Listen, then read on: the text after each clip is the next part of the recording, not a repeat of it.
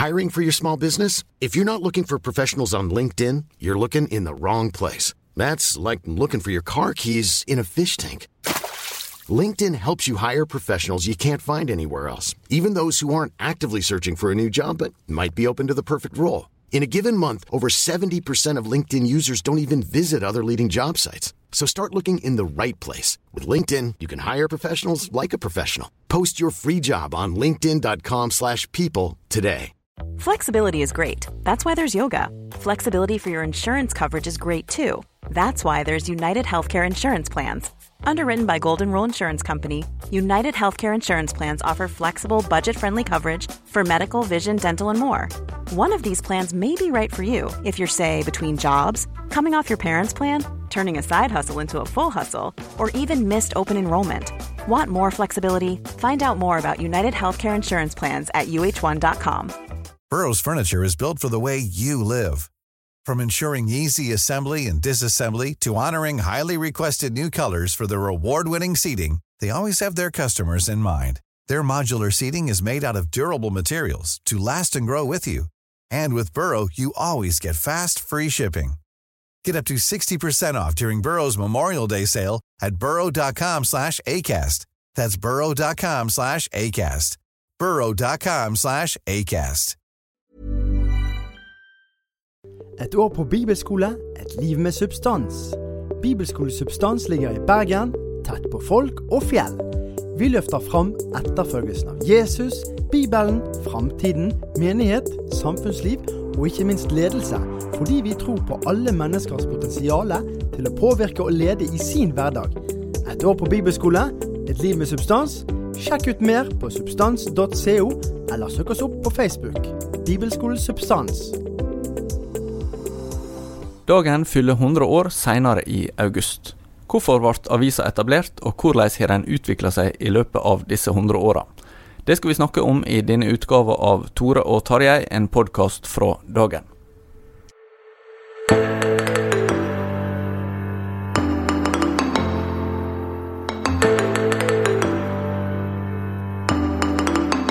Tarjei Gilje, redaktør i Dagen, og jeg, Tore Hjalmar Sævik, er på plass i studio. Og med oss i dag har vi Dag Kullerud, forfatter og journalist. Og han har nå skrevet 100-årsboka i eh, forbindelse med Dagen sitt jubileum. Hvordan har det vært å jobbe med dagens historie, Dag Kullerud? Spennende. Interessant. Lærerikt. I høyeste grad. Hva var ditt forhold til dagen før du eh, begynte på dette? Det var vel eh, litt på avstand. Jeg leste ikke hver dag, men eh, med jevne mellomrom. Og så har jeg jo i ulike sammenhenger møtt journalister fra dagen. Så det var vel i grunnen forholdet. Og så visste jeg jo en del om dagens bakgrunn og, og dens tilknytning til, til det vi kaller for vestlandspietismen. Du har jo vært journalist i Dagbladet, i NRK og i Aftenposten, og i tillegg så har du skrevet bøker om eh, biografier om bl.a. Hans Nilsen Hauge og Ole Hallesby. Du har skrevet historieboka til eh, Bibelselskapet, og de feirer 200 år. Og du har også skrevet historie til Kirkens Bymisjon. Hva er det som er likt, og hva er det som er forskjellig med å skrive bøker om disse temaene som som jeg nevner her? Den store forskjellen er jo at uh, dette er en dagsavis. Det vil si at det er en, holdt på å si, en organisme som forandrer seg fra dag til dag. Og det å da skulle finne noe samlende om eh, eh, dette organet, det har vært en utfordring. Og det har ført til at jeg har måttet lese ja, praktisk talt hver eneste dag av dagen gjennom 100 år. Så det, har, det tok sin tid. Må være den eneste sikkert nålevende nordmann som har gjort det der. Jeg tror det. Jeg tror det. Ingen men, kan konkurrere. Men nå er det mange som kommer til å gjøre det samme, antagelig. Ja, det må, det må vi jobbe på. Ja. Eh, men finner du noe samlande da, i eh, de 100 åra? Ja, absolutt. Altså Dagen eh, som avis har en kjerne, et ståsted, som er tydelig. Både inn i det norske samfunnet, men også i norsk presse og i norsk pressehistorie. Jeg har jo forsøkt å gå på uh, dagens synspunkter og meninger, og da først og fremst gjennom redaktørene. Og grunnen til det har vært å på en måte plassere dagen som avis så tett opp på kjente episoder fra norsk historie. Altså ta abortdebatten, ta spørsmål om kvinneprester, altså slike spørsmål som har gått utover eh, hele samfunnet, og som har vært brede samfunnsdebatter. Jeg har forsøkt å få fram dagens stemme i mange av disse sakene. Så det, dette er ikke noe tradisjonelt festskrift, øh, og mange Dagen-medarbeidere vil nok føle seg skuffet over at de ikke er nevnt. Jeg har prøvd å plassere dagen inn i norsk historie som en viktig aktør, som en viktig motkulturell stemme. Hvis vi skal tilbake til utgangspunktet, kan du si noe om hvorfor dagen ble til? Ja, jeg holdt på å si den, den ble faktisk bare til på, på, et vis. For jeg får lyst til å svare sånn. Det var altså en del eh, menn da, i Bergen som fant ut at nå var tiden inne. Det ligger en forhistorie her eh, som, eh, som altså var har vært tidligere avisforsøk i, i, i Bergen. Det var det. Og, men det ble stanset pga. Vestlandsposten, eh, som jo var Lars Oftedals gamle avis. Og da Vestlandsposten gikk inn, så førte ikke det umiddelbart til at det kom nye planer om en ny vestlandsavis i Bergen. Det skjedde først noen år senere. Og da har det vært en del unge eh, indremisjonsmenn som tydeligvis har ivret for dette. Og så har de fått med seg en gammel høvding som Andreas Lavik, far til redaktøren Johannes Lavik. Ikke minst Andreas Lavik med på dette laget, og en del kjøpmenn i Bergen med på dette laget. Og så gikk man rett og slett i gang. Ehm, og det interessante er jo at eh, det er jo det vestlandske indremisjonsmiljøet, det er bedehusmiljøet med emissærer, bønder, lærere på den ene siden, og så er det en del rike bergenskjøpmenn på den andre siden. Og disse finner altså sammen og hva, starter avisa. Hva, hva, var det de fant sammen om? Hva, hva, var det de ville? Det var jo først og fremst var jo troen som bandt dem sammen. Eh, felles tro. Og at de ville være en stemme både utad i samfunnet, men også en avis som kunne binde sammen de kristne. Og altså En tanke var jo f.eks. at uh, vi må ha et organ hvor alle kristne møter og stevner blir arrangert, hvor man kan finne de samlet. Den tanken uh, i seg selv er jo ikke stor nok til at det kunne bære en hel avis, men, men uh, det sier noe om at det felleskristelige var et veldig viktig anliggende. Og det å være en kristen røst inn i den allmenne samfunnsdebatten. Kan du si noe om omfanget på disse miljøene? Altså, eh, når du snakker om, om eh, indremisjonsmiljøet eller eh, det kristne miljøet på Vestlandet, hva, var det i denne perioden, altså tidlig på 1900-tallet? Det var vel det jeg vil kalle for småkorsfolk. Og det var småkorsfolket som i stor grad sto bak avisa, sammen med de kjøpmennene i Bergen.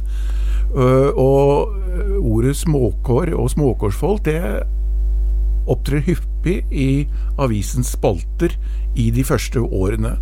Og det er eh, særdeles, et særdeles viktig ord i diskusjonen med arbeiderbevegelsen og Bergens Arbeiderblad på slutten av 20-tallet og begynnelsen av 1930-tallet. Der oppstår det faktisk en diskusjon mellom eh, Bergens Arbeiderblad og Dagen om hvem som representerer småkårsfolket på Vestlandet.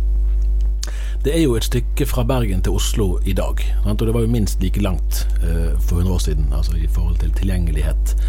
Uh, og vi kan jo sitte her nå og lure på om vi blir for provinsielle i vår tid. Altså om perspektivene som kommer til uttrykk her, uh, mangler noe av det, av det tilfanget av impulser som man kan forestille seg, og som kanskje ikke minst hovedstadsmiljøene sjøl vil forestille seg at man har. Småkårsfolkets avis for 100 år siden hvor mye var det selvstendighet, og hvor mye var det trangsynthet? I stor grad mye selvstendighet. Eh, det var eh, Vestlandsbonden var jo en, en fri mann, i, i, motsetning til mange husmenn eh, østpå. Og denne selvstendighetstrangen, den tror jeg vi ser også både i det pietistiske uttrykk, men også i i engasjementet for, um, for både altså det kristne engasjementet, men òg inn i, i, samfunnsdebatten. Så, så vestlandsbonden, eller vestlandsfiskeren, var på mange måter selvstendige mennesker. Både materielt, men også kristelig, teologisk sett. Altså, de ville jo ikke slutte seg til det landsdekkende Indremisjonsselskapet, men dannet selv et fellesforbund i vest. Hva saker var det en var opptatt av? Kan du si noe om det fra, fra begynnelsen? De var jo opptatt av eh, På det tidspunktet der så, så var det jo bl.a. striden med den liberale teologien. Og eh, det preget jo avisen fra første stund av. Det, jo, det bygde seg jo allerede ved utgivelsen så bygde seg opp til det berømte Karl Meyer-gatemøtet i 1920, i januar 1920. Så hele den striden som der vokste frem, den preget uh, avisen. Du kan godt si at man fikk den striden med den liberale teologien den fikk man som en gave, redaksjonell gave ja. i startfasen. Og likeså så fikk man som en redaksjonell gave forbudsstriden. Altså kampen for, det, for forbud mot, mot brennevin. Ja. Eh, det var jo samtidig med at det, den saka var stor i USA, ikke sant? Det var jo den største Det var den første virkelig store saken som preget avisa fra første dag, faktisk. Ja, akkurat. Um, det er jo ei eh, si, Dagen blir jo til noen år etter at Kristelig Pressekontor hadde blitt etablert. Det var vel i 1913? Ikke det? Ja, 1913-1914. Ja, ja. Og, og, da var det Johannes Lavik som var utdanna jurist, og som eh, først var, var, i Kristelig Pressekontor, men som ble henta til, til, Dagen for å være den første ja. sjefredaktøren. Eh, hvordan vil du beskrive han? Han var en um, vidsynt uh, mann.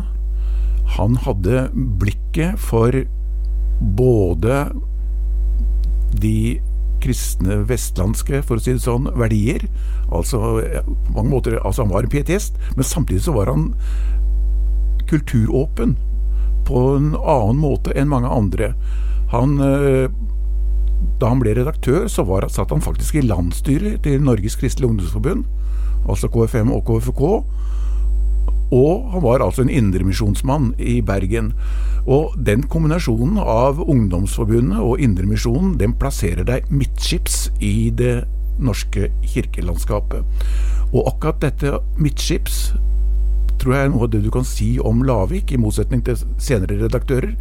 Han prøvde å favne alle, han ønsket at dagen skulle favne alle kristne. Et nøkkelord for ham var allianse og det å være samlende. For han visste at hvis ikke du er samlende, så er ikke liv laga for en sånn avis. Du må favne et bredt spekter av, av kristne. Samtidig som han kunne være skarp i en rekke saker. Han hadde avgjort sine meninger, men han, han var nok også forsiktig med å tone sånn veldig tydelig og klart flagg i saker som han visste ville splitte eh, kristenheten. Der prøvde han å ivareta begge sider. Et godt eksempel på det er jo kvinnepressspørsmålet, hvor han allerede i 1921 da var kvinneprestspørsmålet oppe til en forholdsvis bred debatt, og når han skulle ta stilling, så avviser han ikke at det er mulig for kvinner å bli prester. Han sier at det er ikke noe prinsipielt som, som skulle tilsi at de ikke kan være prester. Det var 40 år før den første kvinnepresten Ja, og da var han, åpen, han var åpen for, for, dette. Og det har sikkert noe med familietradisjonen å gjøre, familiebakgrunnen å gjøre. Uh, hans bestemor var jo en haugiansk uh, kvinne som gikk rundt og forkynte Guds ord. Og, men så, utover 20-tallet, så strammer jo teologene i Kristiania og Oslo de strammer jo til grepet og sier at dette er umulig, og dette her er imot Guds bud. Og da begynner Lavik å manøvrere seg tilbake til et standpunkt eh, i og for seg ikke mot, men at det kirkelige votum er så tydelig her at det ikke noe regjering og ikke noe parti må gå ut over det hva Kirken mener. Du bruker vel et sted i boken tror jeg, betegnelsen om han som en, en pietist med grundtvigianske årer, tror du skriver. Ja. Det kan jo virke som en selvmotsigelse, nesten. Finnes det Altså For å forstå den Grundtvig var jo den danske salmedikteren og folkehøyskolegründer og litt av hvert. Stemmer. Eh, for å forstå den, den, den kombinasjonen, er det noe, fins det noe sånt i dag? Ja, det tror jeg. Jeg tror det er eh, Altså Bildet av det man kaller pietister, det er så fortegnet og det er så galt øh, ofte. Så ja, det er, det er mange av de vi vil kalle for pietister, som har en kulturåpen og en ja, åpen tilnærming til andre mennesker, til andre ståsteder enn deres egen. Jeg tror øh, det, er en, det er en stor forskjell på, på mennesker som ut ifra sin tro søker makt, og som vil på en måte styre og dirigere andre mennesker, og de som nærmest fromt ser at uh, her er det mange ulike synspunkter, og jeg skal ikke være den som er den første til å dirigere andre, men her må vi se og erkjenne at vi som mennesker er forskjellige, at vi tror forskjellig og har ulike politiske standpunkt, da må vi på en eller annen måte forenes. Dette kan både et liberalt menneske mene, og en pietist. De kan stå helt på linje her. Jeg, som jo egentlig er mer liberal, jeg har fått veldig god hjelp til denne boka med mennesker som står nok mye mer konservativt, eller er mye mer konservative i teologien. Vi har kunnet samarbeide helt glimrende om dette. Vi har også besøk av Dag Kullerud, som har skrevet 100-årshistorie om dagen. Og en av de eh, sidene ved dagens historie som eh, har også hatt en del interesse utenfor de kretsene som, som leser avisa, det er jo forholdet til nazismen.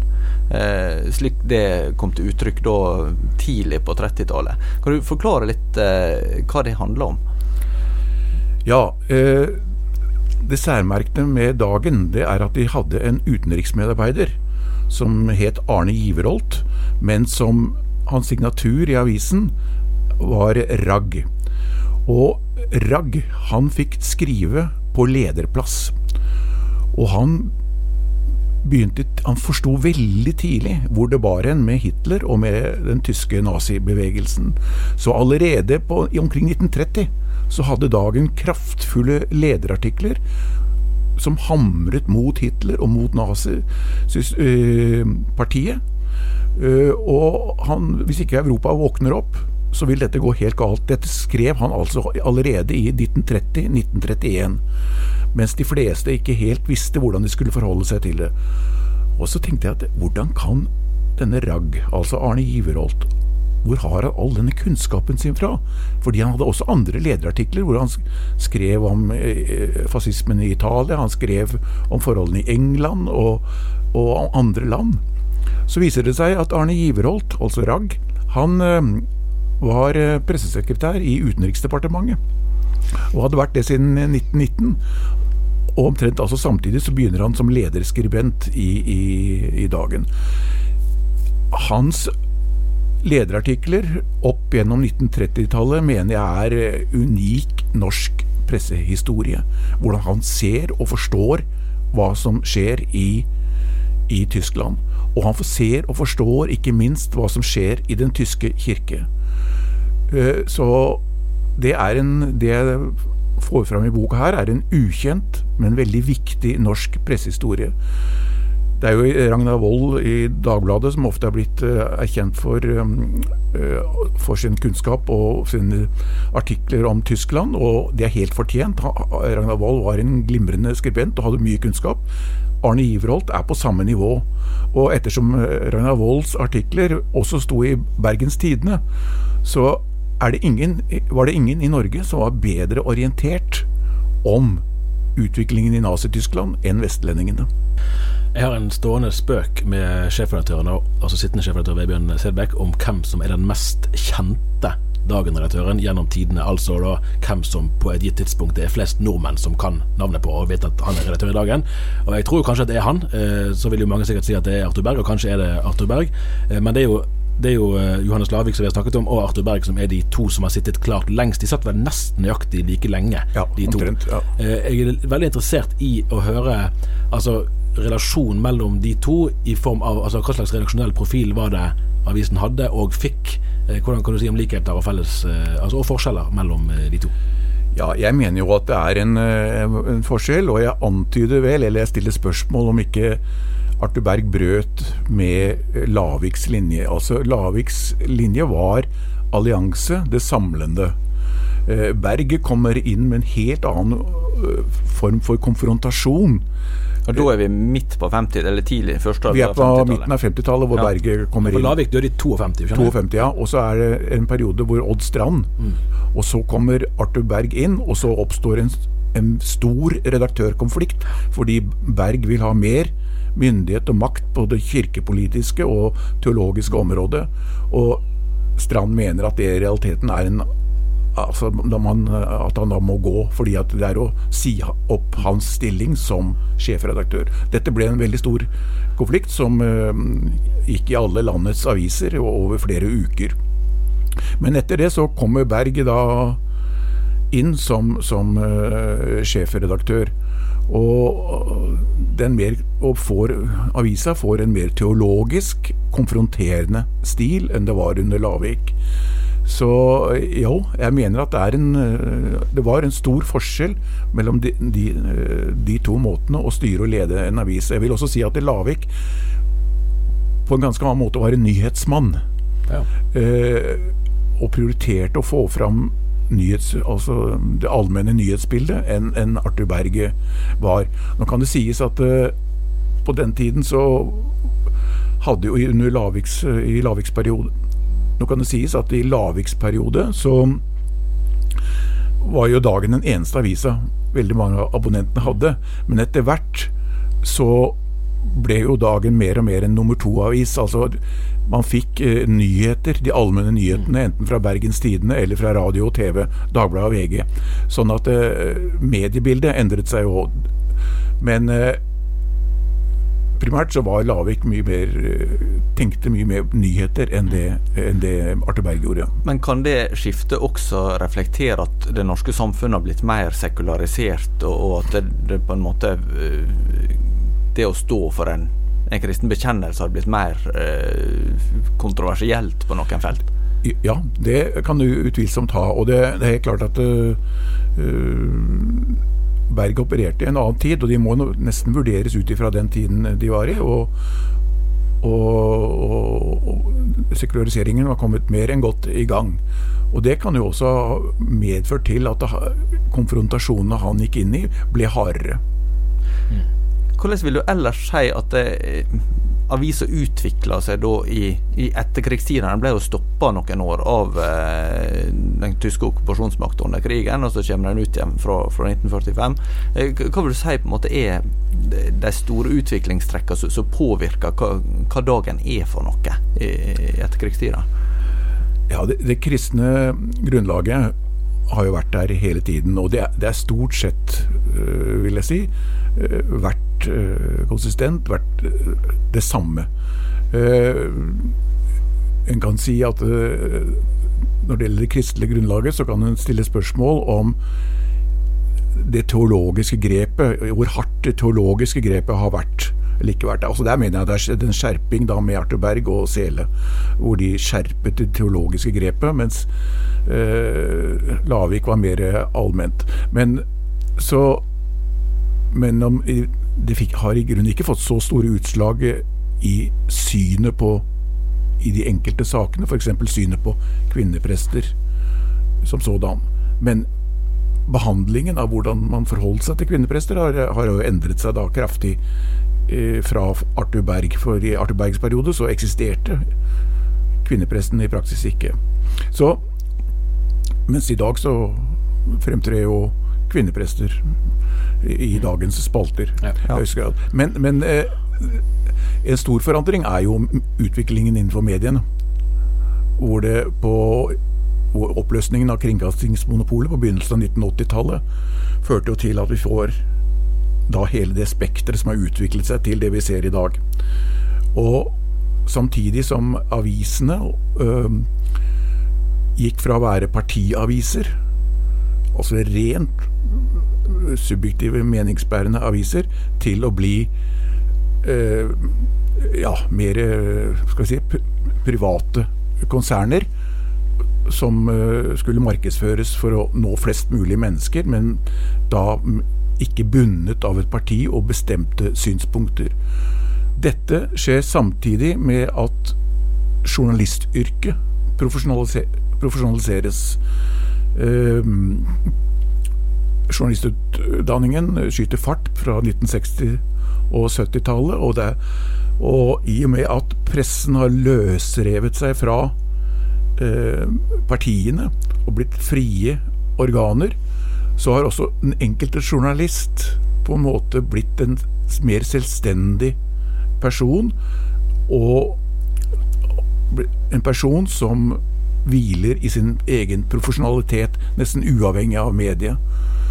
Så denne utviklingen har vært, uh, vært tydelig, etter, etter, min mening. Antall abonnenter har jo egentlig vært eh, nesten forbløffende stabilt gjennom faktisk mange tiår. At det ligger en sånn rundt 10 000, og så er det noen bevegelser. Ja, nei, nesten, nesten gjennom, Bortsett fra slutten av 40-tallet, 1940-tallet, så har det vært eh, ligget på omtrent det samme Akkurat. fra starten av. Og da lurer jeg litt på, altså, hvordan vil du likevel vurdere avisens eh, altså eh, standing i samfunnet, omdømme, altså troverdighet, eh, rykte osv. Eh, i de ulike periodene? Hva har dagen hvilken virkning har dagen hatt for å si det sånn, i den norske samfunnsdebatten? Som en motkulturell stemme så tror jeg den har vært øh, viktig. Og den har vært øh, tydelig. Absolutt. Men jeg tror nok at øh, Og med Lavik, og også til dels med Berg, så var det to så markante redaktører at de blir hørt. Og de blir hørt over hele landet. Men så tror jeg nok at vi nå på, ut, ut på 80- og 90-tallet, 1990-tallet, at den blir såpass ensporet og ensidig at det, den Ja, altså den ble nok ikke tatt så alvorlig, rett og slett. Altså at Den ble plassert litt på sidelinjen. Og det, det hadde med forholdet til Kirken å gjøre. Den dagen plasserte seg på mange måter på sidelinjen i forhold til Den norske kirke, altså det største trossamfunnet i Norge. Og dermed så mister jo også avisen kilder. Den mister innpass i det største trossamfunnet i Norge.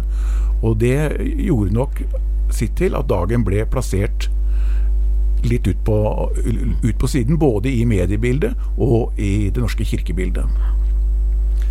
Hvordan eh, vil du si det har utvikla seg seinere? Eh, nå, eh, altså, nå skriver vi 2019, og, og du har jo jobba mye med den tidlige fasen av dagens historie. Men, men hvordan ser du på den seinere fasen?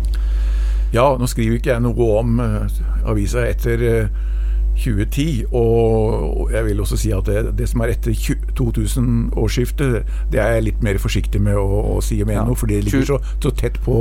2010 var da Vebjørn Selbøk tok over ja, som sjefredaktør? Riktig, riktig. Så jeg, jo nærmere du kommer, så må, jo mer forsiktig må en være. Det gjelder ikke minst for oss som faktisk får lønn av eh, Vebjørn Selbøk. Ja, ja, det, det må man virkelig passe på. Men jeg, jeg vil nok si at det, man ser en forskjell på den teologistyrte eller teologstyrte avisa og den lekmannsstyrte avisa. Der, der, der, er det en forskjell. Vi, eh, det var mange Når teologene styrte, så var det mange lederartikler med ren fagteologiske rent fagteologiske diskusjoner. Ja, for det var jo tre fagteologer på det. altså ja, ja. Arthur Bergfinn, ja, og, og en god del av de lederartiklene der var fagteologi. Og jeg tror verken eh, bedehusfolk eller andre kanskje var så veldig interessert i det. Hva tenker du ellers om saker som, som Dagen eh, skriver om? Er det, er det noe sånn utviklingstrekk som du, du har merka det der med, med hva en er opptatt av? Nei, altså det er jo dekker jo det kristne organisasjonslivet og, og, og nå også kirkelivet. Det er, det er, et viktig område. At folk skal at dagens abonnenter skal kjenne seg igjen og føle at uh, dette er en avis som tar deres liv og virke, og ikke minst deres tro, på alvor. f.eks. dette helgebilaget Helg og høgtid, det som nå heter Helgeavisa, at det har jo ikke vært der fra første stund av. Så har jo Israel vært et viktig, en viktig sak for, for avisa. Det, og det her har det jo også skjedd en utvikling da, i måten, mens det tidligere, under Arthur Berg og Seles tid, i, i, stor grad var Altså Da hadde den israelske ambassaden en åpen direktelinje til, til dagen. Og det er klart at når dagen da samtidig hamret mot andre avisers ensidighet, samtidig som den israelske ambassaden hadde åpen linje inn i dagen, så, så etterlot det seg ikke noen særlig stor troverdighet.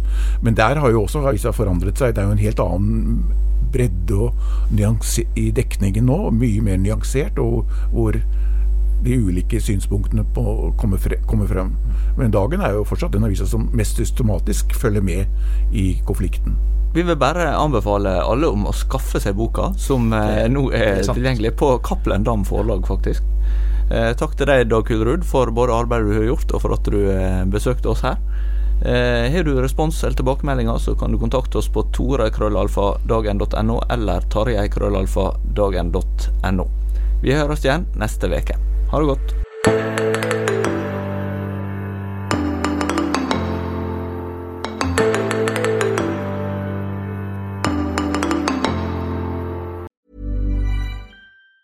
Planning for your next trip? Elevate your travel style with Quince. Quince has all the jet setting essentials you'll want for your next getaway, like European linen, premium luggage options, buttery soft Italian leather bags, and so much more. And it's all priced at 50 to 80% less than similar brands. Plus, Quince only works with factories that use safe and ethical manufacturing practices. Pack your bags with high-quality essentials you'll be wearing for vacations to come with Quince. Go to quince.com slash trip for free shipping and 365-day returns. Hi, I'm Daniel, founder of Pretty Litter. Did you know cats tend to hide symptoms of sickness and pain? I learned this the hard way after losing my cat, Gingy. So I created Pretty Litter, a health monitoring litter that helps detect early signs of illness by changing colors, saving you money and potentially your cat's life. Pretty Litter is veterinarian developed, and it's the easiest way to keep tabs on your fur baby's health right at home. Go to prettylitter.com and use code ACAST for 20% off your first order and a free cat toy. Terms and conditions apply. See site for details. When you make decisions for your company, you look for the no brainers. And if you have a lot of mailing to do, stamps.com is the ultimate no brainer. It streamlines your processes to make your business more efficient, which makes you less busy. Mail checks, invoices, legal documents, and everything you need to keep your business running with Stamps.com. Seamlessly connect with every major marketplace and shopping cart. Schedule package pickups and see your cheapest and fastest shipping options from different carriers. With rates up to 89% off USPS and UPS rates. And with the Stamps.com mobile app, you can take care of mailing and shipping wherever you are. Make the same no-brainer decision as over 1 million other businesses with stamps.com. Sign up with code program for a 4-week trial plus free postage and a free digital scale. No long-term commitments or contracts. That's stamps.com. Code program.